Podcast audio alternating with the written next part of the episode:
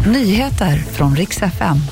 Ja, det ska bland annat handla om en älg som löper amok i Torsby centrum och om Kronofogden som slår tillbaka mot Gunilla Perssons krav. Idag startade rättegången i Uppsala mot fem personer som misstänks för mordet på en gängledares mamma i höstas.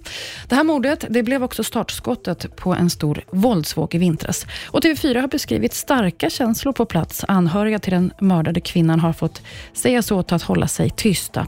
En 20-årig man och en 15-årig pojke är det som är åtalade för själva mordet och tre personer är också åtalade för medhjälp på olika sätt.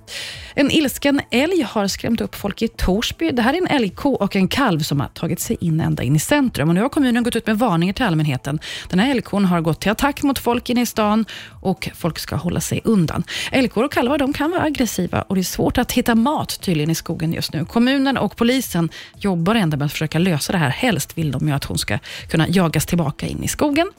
Turerna runt Gunilla Persson och Kronofogden fortsätter. Efter Mello så kom de till hennes hotellrum och beslagtog massa smycken och kläder och driva in en del av hennes skuld på 640 000 kronor. Gunilla säger nu själv att det här var inte hennes saker utan dotterns och kräver att få tillbaka allt. Kronofogden har svarat idag och säger att nej, inga tecken på att Gunilla delade hotellrum med något, så de tänker behålla sakerna. Hon kan ju förstås köpa tillbaka dem och betala av skulden, men det har hon hittills vägrat. Det var nyheterna. Jag heter Maria Granström.